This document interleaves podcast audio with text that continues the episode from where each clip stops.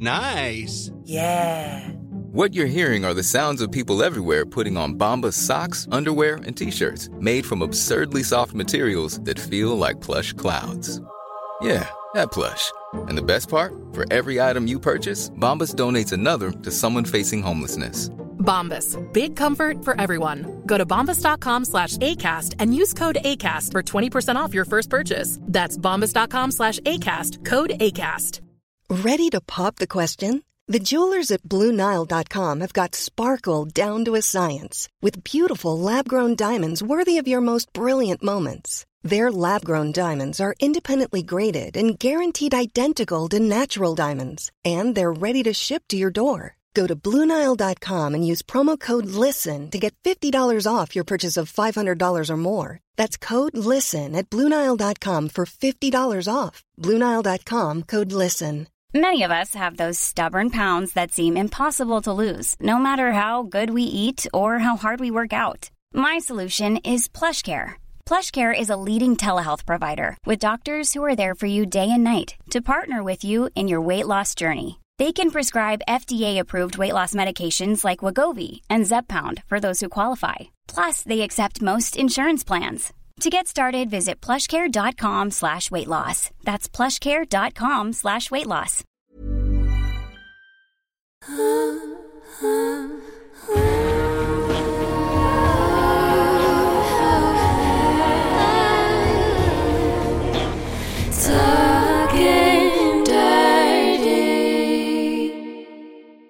Är du själv utnämnd fuckboy nu? Ja, men grejen är att jag skrev till Stella här nu, till alla er som lyssnar, eh, när var det, några dagar sedan, och jag bara så här, Stella, jag har insett en grej, jag tror jag är en fuckboy.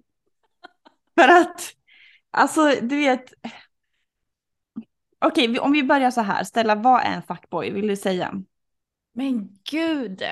Och, alltså jag får mer du- en känsla i kroppen när jag hör ordet fuckboy. Men ja, Okej. okej så här, jag tänker en fuckboy är någon kille som ligger runt skitmycket, har jättesvårt att committa sig, ghostar, vill inte binda sig eh, och antagligen grundar det här sig i att de har trust issues eller något trauma, liksom obearbetat trauma i bagaget som gör att de inte kan hantera känslor.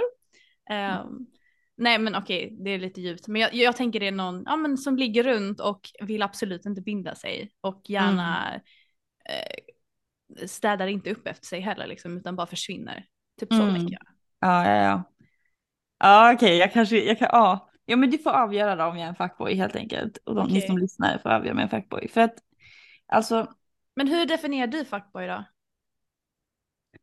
Um, jo, men jag har väl kanske två, två olika definitioner på fuckboy. Den ena är att man säger att man vill ha en relation. Okej. Eh, och att så här, Åh, jag vill ha det här och det här ska vi skapa tillsammans. Och sen direkt när man typ haft sex så är det inte kul längre. Och då sticker, då liksom, ehm, och den vill egentligen inte ha något seriöst utan den bara säger det. Gud förlåt, jag, jag googlar samtidigt här. What is fuckboy? ja, och, ja, men det är perfekt. Men, men sen så den andra definitionen som inte är det här med att ljuga utan bara det här att man liksom eh, det smörjer in en person för att eh, och du vet överöser den med så här och connectar med den och sen när man har legat så är man klar. ja, ja, exakt. Eh, och det är den definitionen som jag nu funderar på om jag har börjat hamna i. För att ehm, jag ljuger ju inte för att alla vet redan att jag har kille. Mm. Så att det är liksom inget issue. Att så här, jag är inte ute för att dejta. Utan jag är ju bara ute för att ligga nu. Mm.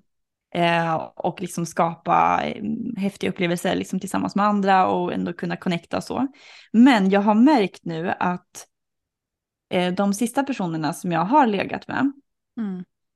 så, eller typ de flesta personerna som jag, eh, som jag har träffat själv nu, så har det verkligen varit så här att ja, men det, vi skriver, vi bygger upp någonting, det blir så här supernice. Första gången är så här mindblowing typ, vissa delar i alla fall av sexet som är så här, oh my god, Mm. jag har fått uppleva något helt nytt, det här har inte jag testat innan, shit vad nice, gud vad kul att jag har fått någon som jag kan typ göra det här med. Och det är jätte, jätte nice första gången. Mm. Eh, sen så har jag väldigt mycket för mig, apropå det jag sa, det här med att jag jobbar ju heltid som läkare, jag har mina kurser och workshops för de här kvinnorna och känner liksom verkligen att min energi är begränsad. Så att jag försöker liksom hitta vad som ger energi och att Mm. hålla igång konversationer på meddelanden är inte, jag har inte tyckt om det sista tiden. Ehm, för, utan jag vill hellre träffa folk in real Mm. life eller träffa folk på fester och så. Ja.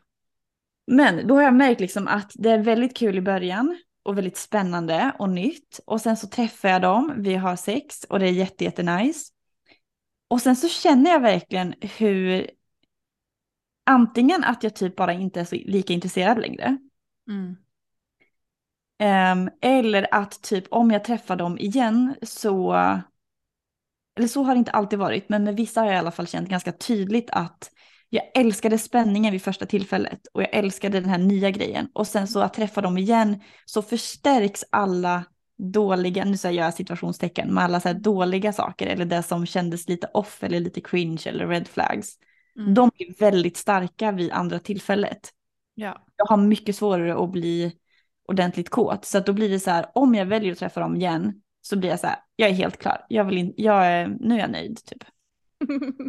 Och jag, alltså plus, och just den här grejen att då, de vill jättegärna fortsätta skriva och bygga upp någonting och jag bara känner så här, alltså vi hade det kul, men nu är jag klar. Okej, jag, Och jag känner mig så hemsk. Okej, fortsätt. Ja. så här ser jag på det. Hade du inte varit tydlig med att du bara är ute efter liksom att ha kul och ha sex och du har pojkvän och du är committad till honom och du letar inte efter någonting annat utan bara vill ha lite kul och lite sex så tycker jag inte att du är en fuckboy. Ehm, Mm. men om du inte är tydlig med det, då kanske det är lite fuckboy. Men man vet ju inte vad man vill ha förrän man... Eller så här, alla vet ju att jag har kille och Mm. alla vet att vi gör det här för att ha kul. ja. Jag har ju alltid tänkt, för att så har man ju blivit uppfostrad och så har man sett på alla serier, Mm. att, att tjejerna ehm, eh, tycker att om en kille ger massa uppmärksamhet och sen när de har legat så är det klart. Och det är ju jättehemskt, alltså det är ju verkligen hemskt att känna att så här, den ville bara ligga med mig och så är det liksom fine så. Mm. Nu är jag ju i en lite annan situation för jag har redan min kille och alla vet vilka premisser det gäller. Sen så vet man ju inte vad man vill ha. Vill jag, vill jag bara ligga med dig en gång eller vill jag ha ett KK-förhållande Mm. där vi träffar varandra regelbundet? Det kan man inte veta förrän man har nej. interagerat. Ja. Så jag kan ju inte lova någonting innan utan det är ju verkligen bara så här wow det här vore häftigt att testa med dig och så testar Ja. man. Men jag känner ju att jag är skyldig folk emotionell och all form typ av investment och alltså att har vi träffat och haft det nice så måste jag inom situationstecken träffa dem igen för annars är jag en douchebag. Mhm. Ja, nej. Eller alltså, Jag förstår att det blir så, för att du är en fin person. För du är liksom en, en omhändertagande, omtänksam person naturligt. Sen så tror jag att du är ganska lätt att bli kär i. Alltså om killar får ligga med dig. Jag menar, du är skitsmart, du är skitsnygg, du är asporrig, du har ett hjärta av guld, du är sjukt lyhörd. Alltså du har ju the whole package om man säger så. Jag tror att många killar blir betuttade i dig. Så att, att de vill fortsätta träffa dig efteråt, that's a little bit on them. Om du har varit tydlig med dina intentioner. Sen så Mm. tror jag att du behöver i så fall återkoppla till dem om de fortsätter skriva efteråt. Och bara Mm. säga, vet du vad, det här var jätteroligt, men jag vill liksom inte ta det längre än, än det här. mm.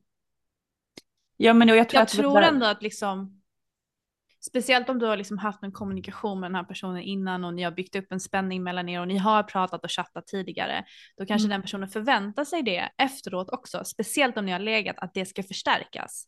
Ja. Men då är det bara jätteviktigt för dig, tror jag, att vara tydlig med att, att, liksom, att dra en gräns. Bara så här, det, det kommer inte utvecklas till någonting mer. Eller om du känner, det här tyckte jag var så nice, jag vill att det här ska fortsätta, men då får du ta den diskussionen också.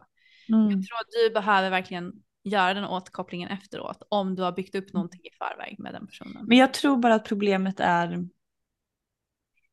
Ehm, mm, mm, mm. Jo, men jag, jag tror att jag... ehm, nu börjar jag ju fatta vad jag vill. Mm.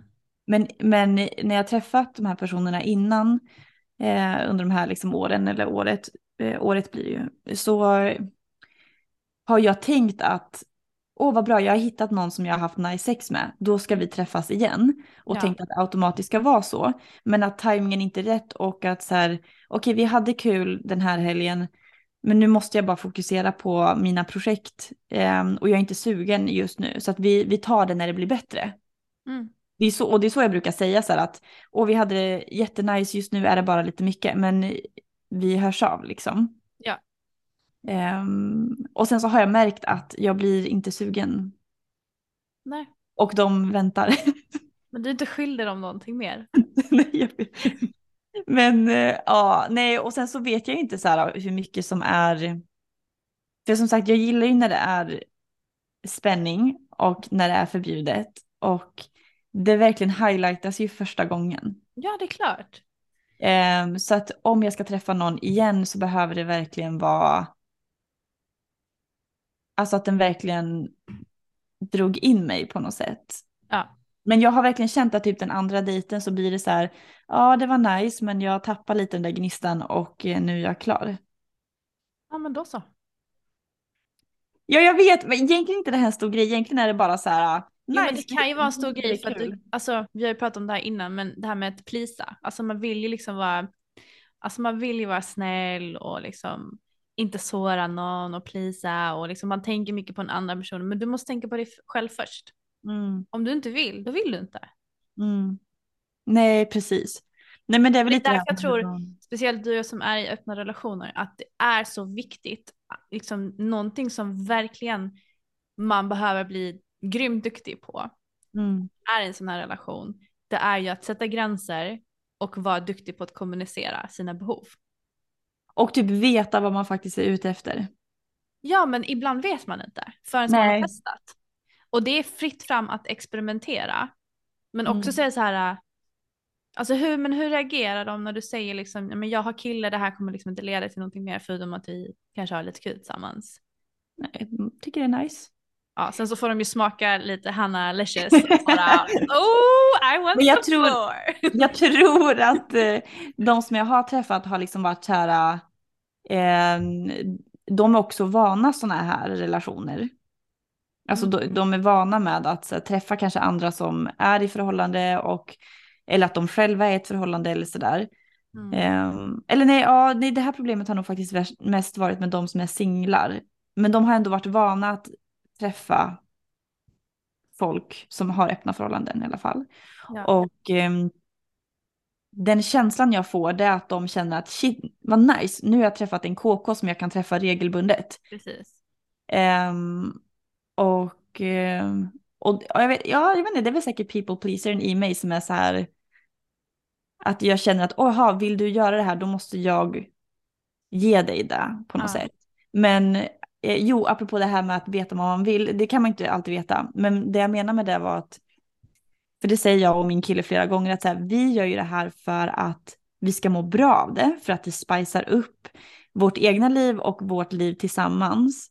Mm. Så att jag ska ju inte gå med på att träffa folk som jag känner är lite så här, ja men den vill ju träffas eller bla bla bla.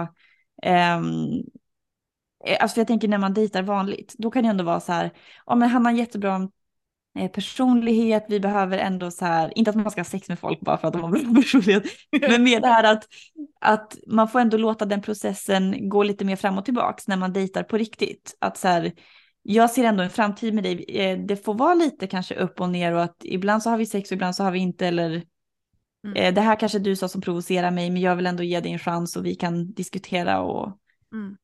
och sådär. Men nu när jag verkligen, jag har redan min relation, det här ska bara vara kul. Ja. Då ehm, har jag insett att så här, nej men jag ska inte, jag behöver inte kompromissa på min njutning Nej, absolut inte. överhuvudtaget. Det ska man inte göra annars heller, men ni fattar Nej. kanske vad jag menar. Nej, Att men det är liksom- det. Så här, if it's not a fuck yes, it's a no. Mm, exakt. Exakt. Men jag vet inte, kan, kan du, nu har inte du kanske träffat så många, men du har ju träffat andra tidigare också. Mm. Eller vad känner du? Kan du känna igen det där med att första gången supernice och sen så typ dör det ut lite grann, i alla fall efter andra gången? Eller du kanske inte har haft så många sådana Uh, alltså, tillfällen? nu har jag inte haft öppen relation lika länge som du. Och jag har inte träffat lika många så nu. Men jag kan tänka, alltså om jag tittar tillbaka på min historik va. Innan Mm. jag träffade Alex så hade jag ju en singelperiod. Och det var verkligen en slampig period. Alltså jag dejtade fyra killar samtidigt. Och det kunde ju vara att jag låg med den ena på morgonen och den andra på kvällen. Ehm, men sen så var det så här att där kompromissade jag lite. Jag bara, inga av de här killarna egentligen har hela paketet. Men det Mm. behöver de inte heller för att jag är inte ute efter det just nu. Jag vill vara singel och bla bla bla. Ja. Jag var i den, den fasen liksom. Men Mm. sen när jag träffade Alex så var det så här. Jag vill inte ha någonting mer att göra mer. För att alltså du vet så här, då blir det bara så tydligt vad jag ville ha. Och jag ville Ja. ha honom. ja. Och då blir det så så här. Alltså jag vill inte ens lägga en sekund till på de andra killarna. Och då var det jättetydligt för mig att det var liksom helt ointressant egentligen. De hade inte det jag sökte efter. Men Mm. det låter så taskigt att säga liksom att de var bara. De var bara ligg, alltså egentligen. Alltså Fast så. varför, egentligen varför är det taskigt? För att de ville mer. Jo, jag spelade på det. Jag spelade på det. Alltså jag. Alltså det var ju en kille som verkligen, han började ju prata framtid och grejer och jag gick, alltså du vet så här, jag spelade den rollen. Jag bara, Ja, jag ah, ja, ja absolut. Och sen så gick jag och spelade nästa, jag var också fuckboy där. Det är du som är fuckboy! Det var det vi kom fram till! Ja men jag var det. Men det var också för att jag hade precis kommit ut sjukt destruktivt förhållande och var verkligen såhär fuck all men liksom. jag vill inte ha någonting med män nu ska jag playa er som ni har playat mig liksom. Ja. Jag, det här var ju väldigt länge sedan, typ tio år sedan så. Men, Mm. men ehm, för mig är det så här, vibar det inte så är det inte intressant och då kommer jag bara vara väldigt tydlig med det. Alltså jag har inga problem att ta sådana, inte för din konflikt, men jag har inga problem med att liksom säga det. Men jag har ju övat mycket på det. Jag går mycket på den, if it's not a fuck yes, it's a no. Ja, och jag har verkligen försökt, ja, men dels är det fuck yes och att så här, är det inte 100% ja Mm. så behöver jag inte, alltså jag behöver verkligen inte. nej precis. Så att på något sätt så, eh, å ena sidan så kan jag känna mig liksom dum för att jag inte kan uppfylla alla deras eh, önskemål eller sådär. Men samtidigt känner jag bara att jag gör verkligen det här för, för min skull eller hur man nu ska säga. Att det här verkligen, jag, jag har verkligen inga anledningar till att kompromissa. Nej. Sen så tror jag lite grann, alltså det här det är nog lite, apropå du sa det här med att fuckboys har trauman och så vidare. och kanske ändå att det ligger lite i det här, ehm, just det där med people pleasing. Jag tycker att det är, när någon verkligen säger så här, det här vill jag ha, så får jag en press att jag behöver uppfylla det. Mm. Och det blir en stress för mig att så här, hur ska jag sätta den här gränsen, hur ska jag uttrycka mig? Och vissa personer, eller många personer, de checkar inte liksom in. Nej. Utan de utgår från att så här, jaha men om hon inte vill göra det här kommer hon säga ifrån. Eller det hon vill göra kommer hon säga. Så att jag tror att det är lite den grejen också, att jag träffar någon, det är skitspännande första gången. Vi gör någonting som kanske är nytt för mig också och jag bara älskar det. Mm. Eh, sen så kanske jag märker av några vibes, typ de säger saker som jag inte går igång på. De Ja. gör saker som jag, ja, eller typ ger förslag på saker som jag inte riktigt känner, nej men det här är inte jag bekväm med. Nej. Men det blir inte så mycket första gången, men andra gången, så de tar ju för sig mer kanske på det här andra. Och, eller jag bara känner den här pressen över att jag kommer behöva sätta gränser, jag kommer behöva säga nej, kommer jag bli mindre attraktiv då? Ehm, ja men hela den här grejen. Åh, just det. ehm, jag frågade ju dig, vi pratade ju om det någon gång, ehm, just det här med att jag skulle träffa en kille igen och han hade uttryckt en väldigt stark så här längtan, om, eller längtan, men han hade sagt att han går asmycket igång på att spruta en tjej i halsen eller munnen. Ja, långt ner i halsen. Mm. Ja, och att det verkligen ska vara så här. Eh, ja, men jag, kan få, jag har fått en tjej att komma genom att spruta henne i halsen och det. Så, ja, men det var väldigt så här. Han sa flera gånger det här med att Mm. eh, han gillar att komma i munnen helt enkelt. Och jag har I varit... munnen eller i halsen? För jag känner två väldigt olika saker. Va? Ja, men både och.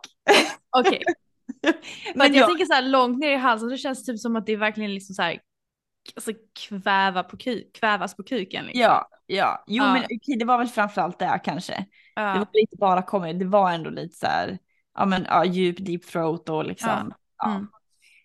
Ehm, nej men och lite utifrån saker som har hänt men och lite som varför jag som jag inte kan förklara menar jag. ehm, så har jag haft en period där jag känner att jag vill inte ta sperman i munnen eller halsen.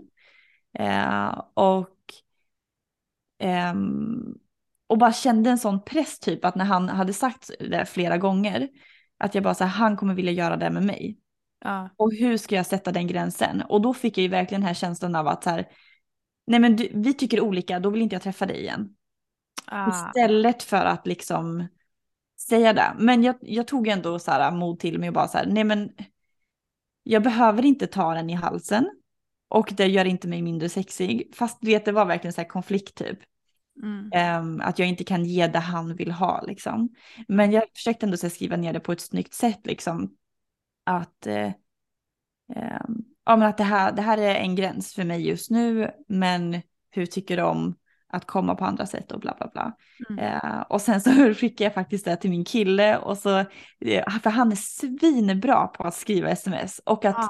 få fram budskap på ett fint sätt istället Ja. för att låta som en douchebag liksom. Ja. Så att jag skickade meddelandet till honom, han redigerade det så att jag lät mycket mer flörtig och härlig. Jag älskar att din kille hjälper dig med det här. Det är, helt, det är helt fantastiskt och helt surrealistiskt antagligen för många som lyssnar. Ja, men nej men alltså det var helt, ja, jag, bara, jag kände sån tacksamhet också. Så att, nej men så skickade jag det till honom och, eh, och han svarade ju jättebra på det. Och när vi träffades så, det var ju liksom ingen press liksom kring det heller. Nej. Eh, och det var väldigt skönt för då kunde jag liksom slappna av på det planet. Men jag Men tror, då har ni träffats igen? Jo men vi träffades ju igen. Nu, nu vet jag ju vem du pratar om, nu vet jag inte. Ja, vi har ju träffats igen. Aha! Det är, jaha, det är nog därför du inte hängde med. Nej, alltså jag har inte träffat, eller eh, hängt med på att du har träffat honom igen. Åh, just det, gud Stella, vi har inte pratat på Mm. jättelänge. Jag vet. Åh, shit, nej men jo, jag träffade ju honom igen. Mm. Ehm, oj, vänta, okej. Jag ska bara avsluta min tanke så får Ja, du ställa. ehm. Jo, nej men jag har i alla fall märkt att när jag märker att folk säger saker som de vill göra som jag inte vill göra. Mm. Och det är nog där mycket som kommer upp också, att lite av spänningen försvinner efter första dejten. Men också att de, jag känner att jag behöver sätta gränser och därför blir jag mindre sexig. Oj, jag tänker tvärtom. Ja, jag vet, jag vet att det är tvärtom. Jag Ja. vet det. Men jag bara, min, min people pleaser Ja, skriker att så här, om du inte vill göra exakt det som han vill Ja. så är du inte lika sexig. Och då blir det en sån turn-off för mig, det blir en sån press för mig eller typ att, okej antingen så, ja men det, ja, det, det bara blir en sån krock i att så här, antingen måste jag gå över mina gränser och det är inte ett alternativ nu, nej då måste jag ta upp som en konflikt, fast det behöver inte vara en konflikt, det kan vara skitsexigt att bara säga, det här går jag igång på, det här går jag inte igång på. Ja. Men det, bara, det blir bara som ett virrvarr. Och så går jag igång på den här, första gången så kan jag vara verkligen så här, shit, tänk om han tar på mig, hur blir det då? Mm. Andra gången blir, tänk om jag får ont. Ah. Så då börjar jag gå in i den snurren eftersom jag har haft problem med att ha ont eh, vid penetration. Så då flyttar jag liksom mitt fokus från att shit vad hett, vi gör någonting. Ja. Till att tänk om inte jag blir kåt, tänk om han vill göra saker som jag inte vill göra, tänk om jag får ont. Och så Mm. blir det bara en stressor. Så att jag tror att det är lite trauma också, det är inte bara att jag är en fuckboy utan Mm. ehm, det bara dyker upp massa saker som jag behöver hantera typ. Och då är det lättare att träffa någon ny och spännande Mm. Precis. Ehm, ja, tankar, åsikter, reflektioner. Nej men jag kan ju bara, alltså det är jättespännande det där, det kanske blir ett helt annat avsnitt men med hur hjärnan funkar, att den kan verkligen fokusera och förstärka det negativa. Mm. För att ofta så kommer det med någon slags, någon slags smärtminne i kroppen. Det kan vara emotionell smärta eller fysisk smärta. Men det är så en himla stark överväldigande känsla när det är någonting som kanske gör ont. Du har ju haft smärta vid penetration. Du upplevde ju det första gången du var med honom. Mm. Då kommer det kanske det kommer ju liksom krypande bara tänk om det händer igen istället för att Mm. man fokuserar på, på allt det positiva som var. Mm. Det är liksom ett sätt för, för hjärnan att, det går ju liksom in i den här överlevnadsmodet, att Mm. var, var är farorna? Var Ja. ska jag, hur ska jag säkra upp mig för de här farorna? Och det är Exakt. någonting jag tror liksom bara ligger i vår genetik, att vi har den här äh, överlevnadsmodet. Och jag tror Mm. att när man känner det, att man måste på något sätt försöka förstärka det positiva istället. Mm. Eller gå inåt och försöka lugna sig själv och bara, okej men det finns ju chans att, att det blir helt magiskt istället. Eller vad var det som var så härligt sist vi träffades? Eller vad älskar jag med den, liksom, vad var det som tände mig med den här personen? Och försöka fokusera, så skifta fokuset till de här positiva sakerna. Ja. För att, för att dra en parallell till det som jag har gått igenom nu, det var ju ett, under den här liksom perioden av ångest och stress. Mm. Ehm, jag har haft så mycket, så du och jag har fått helt fantastisk feedback på vår, på vår podd. Så att en morgon när jag vaknade för några dagar sedan ehm, så eh, vaknade jag till massa liksom så här fina meddelanden. Jag gick in på podcastappen, såg att vi hade fått jättefina recensioner och Mm. eh, jag hade ett jättefint meddelande från min kille och du vet massa liksom positivt den morgonen, typ tio positiva saker. Men sen Mm. så går jag in och sen ser jag att det är någon kille som har ett, ett eh, anonymt konto, noll följare, ingen bild, heter någonting kryptiskt, Mm. har kommenterat eller taggat mig i någonting och typ skrivit så här who hurt you för att jag är liksom öppet sensuell i mitt konto. Ah, just det. Och Mm. det var det enda jag fokuserade på. Ja. Och så här, who hurt you? Oh, är det någonting fel på mig? Åh gud, jag fick kritik, gud vad jobbigt det här känns. Är det någonting fel på mig? Har jag blivit sårad? Och sen så börjar jag mala den liksom tanken. Ja. Och då stannade jag och det var det som väckte mig ur min ångest. Alltså dels att jag fick min mens då, som, som lugnade ner mig, men också det här, jag fick en sån insikt, jag bara, alltså gud, Mm. vad, jag började skratta åt mig själv, jag bara, alltså ser du vad som händer här Stella? Av Mm. allting positivt, av Ja. människor du faktiskt bryr dig om, av allting som du faktiskt lyckats åstadkomma och all den här positiva feedbacken du får. Sen får du en random kommentar från ett anonymt konto som du har ingen aning som, alltså har, du har ingen koppling till Mm. eller liksom det är helt ur kontext. Men det väljer du att fokusera på, den ne- negativa hatkommentaren. Och då Mm. tänkte jag bara så här, ja. Nu vet jag att jag verkligen behöver bara skifta fokus för att Mm. Det är helt, helt otroligt att jag kan välja att fokusera på den minimala hatsaken istället för allt det här positiva. Mm.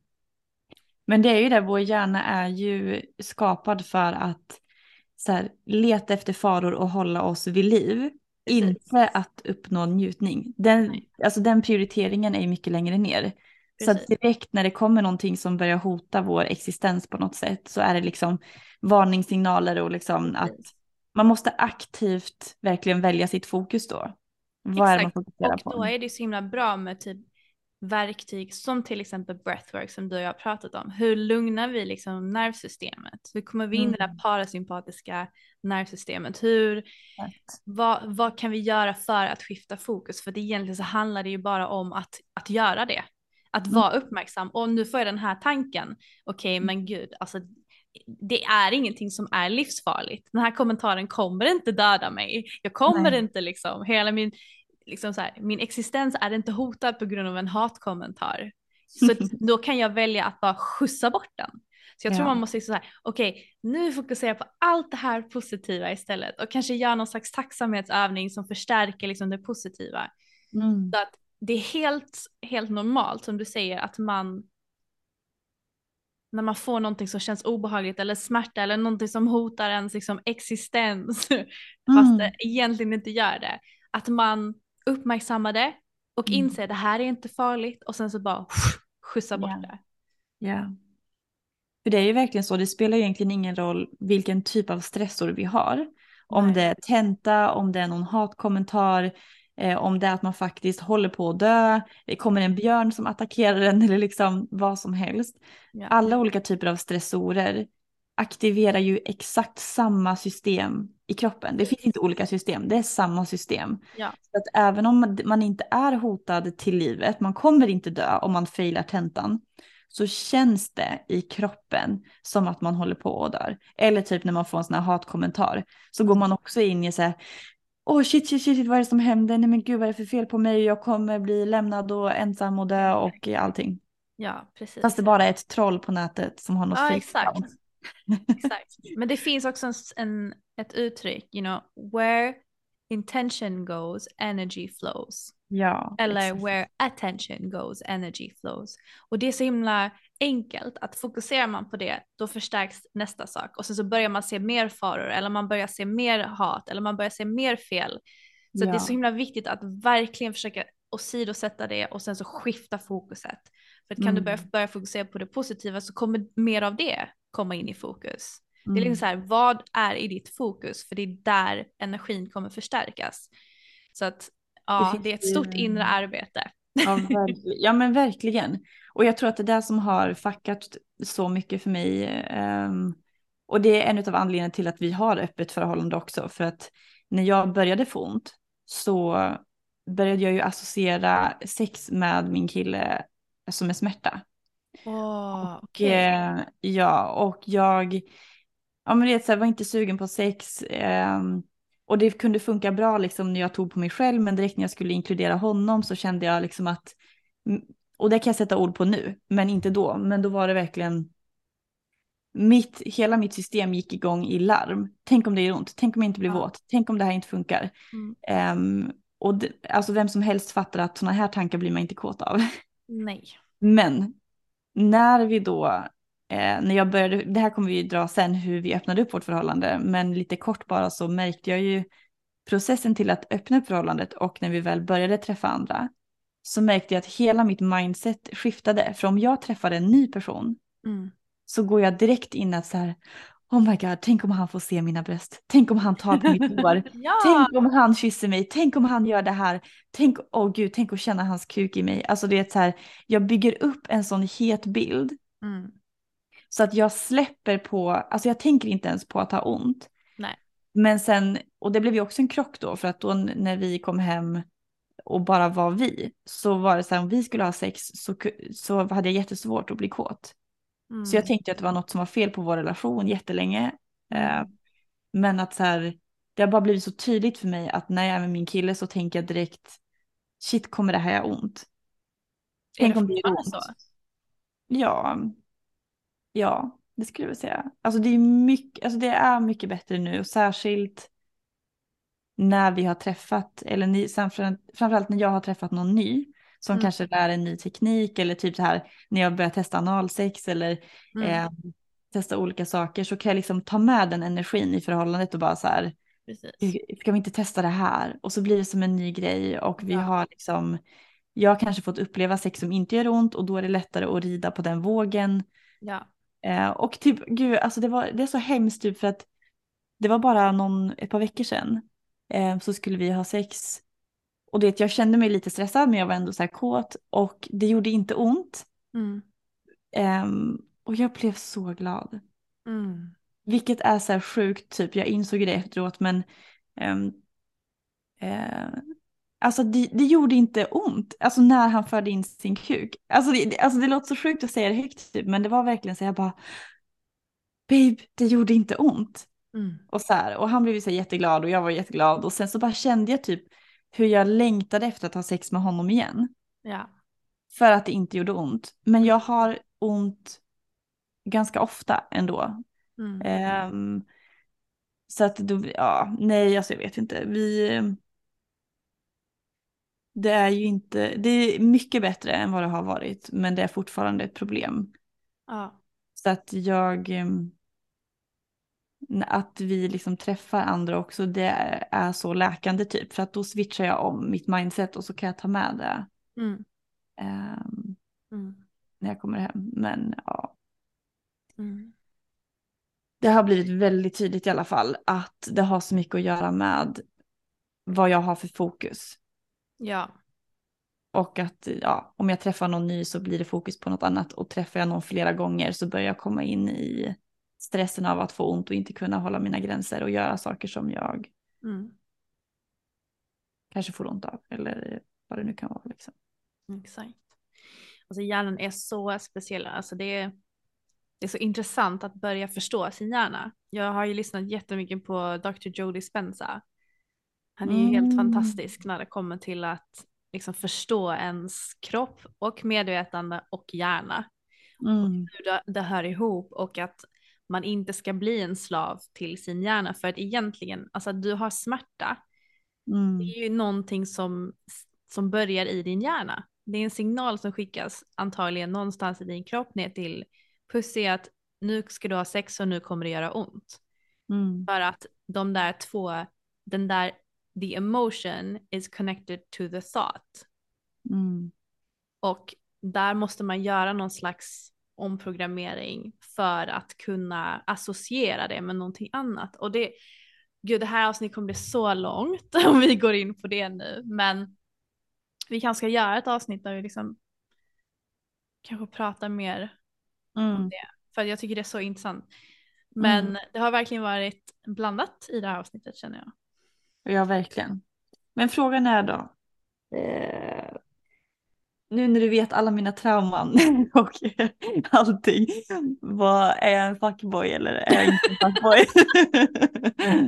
är jag en traumatiserad fuckboy? Är det det vi har kommit Nej, fram alltså min impulsiva, alltså, eller min, min första känsla är nej, du är inte en fuckboy. Absolut inte. Nej. Nej. Alltså det står också, jag- på tal om det jag googlade. Ja, vad står det där då? Hanna Hellgren är en jag, jag tycker om att gå in på Urban Dictionary för där Ja. står ju alla de här, äh, vad ska man säga, nya orden med. Men den, den här Ja. beskrivningen är alldeles för lång. Men det är som, den första meningen så här, a fuckboy is someone who says I'm bad at relationships as if it's nearly an absolute truth. A fuckboy is also someone who is just so emotional that he cannot deal with, alltså sen så fortsätter den, typ så att att för att egentligen skydda sig själva på tal om det här med att man kanske har man vet inte hur man ska hantera Ah. sina känslor eller man kanske har varit med om någonting i sin barndom eller någonting som har triggat igång liksom att man inte vill committa liksom. Och det är att, att man, man skyddar ju sig själv genom att säga Ja. jag kan inte ha ett förhållande, jag kan inte vara alltså, committad till någon, bla bla bla. Det är mycket enklare att inte involvera känslor, för känslor är fucking jobbigt alltså. Det är, känslor är utmaningar, känslor är en, det är som din, det är din största lärare i livet och ibland så blir det så överväldigande, man pallar inte och då skyddar man sig själv genom att försöka utesluta så mycket känslor som möjligt. Och det är det jag egentligen tror om fuckboys. Jag tycker egentligen synd om fuckboys to be honest. Nej, men, Men ja. här står ju också en annan förklaring. Fuckboy, a weak or contem- contemptible man. A man du- who has many casual sexual partners. Uh, a fuckboy is the guy who doesn't respect women but relies on them heavily. Alltså, ja, det är inte positivt egentligen att vara en fuckboy helt enkelt. A womanizer, a young man who sleeps with women without any intention of having a relationship with them. Ja, alltså nej. Du har ju sex med killar på grund av mycket djupare anledningar kommer det ju fram med nu. Och så länge du är tydlig med din intention så Ja. tycker jag liksom inte alls att du är en fuckboy. Så jag, Nej, slår, men- jag klubbar det nu. Hanna är ingen fuckboy. jag kan ha lite fuckboy-tendenser, men jag tror poängen är väl egentligen bara, alltså om man ska typ, ä- det är där jag kommer fram till att jag behöver också äga det jag vill. Att så här, gud jag vill testa det här och du verkar vara grym på det och vi har en connection, nice då gör vi det. Ja och nu vill jag testa något annat och så får jag äga det. Och att det inte behöver vara mer komplicerat än så, men sen så behöver jag också jobba lite med att ehm, jag behöver ju obviously jobba med att inte vara rädd för smärta också. Eller rädd för att säga nej eller konflikter eller vad det nu kan vara. Att bara stå upp för det här turns me on och jag äger det. Och det gör inte mig mindre sexuell bara för att, eller mindre sexig, bara för att du vill göra något annat. Vi är bara olika match typ. Exakt. Ehm, så fortsättning följ. Men det, det jag ska säga det är faktiskt att jag har en som jag träffar återkommande. Jaså du, det har du. ja det har jag och där har det ju faktiskt inte varit något problem. Så att jag tror också att så här, vissa personer har någonting som är riktigt hett. Mm. Men klickar inte på alla plan. Nej. Och då känner min intuition och Pussy av det och bara så här, Hanna du ska inte ligga med den här mer. Det var kul, du fick lära dig det här. Time to move on liksom. Ja, Pussy vet. Pussy vet! Alltså vi måste göra merch med det där uttrycket. Pussy vet! Pussy vet. Ja! Oh my god! Ja, exakt. Ja. Okej, Ja. Och med det sagt. där då? Ja, exakt, exakt, exakt. Ni Som får... vanligt, när vi väl sätter igång så tar det aldrig slut typ. Men- Men tack eh, hörni för att ni har lyssnat på ännu ett avsnitt av A Dirty Talk. Jo. Exakt. Så hörs vi om en vecka. Vi hörs om en vecka. Puss och kram. Jag gillar att det här bara blivit vårat slut. Puss och kram.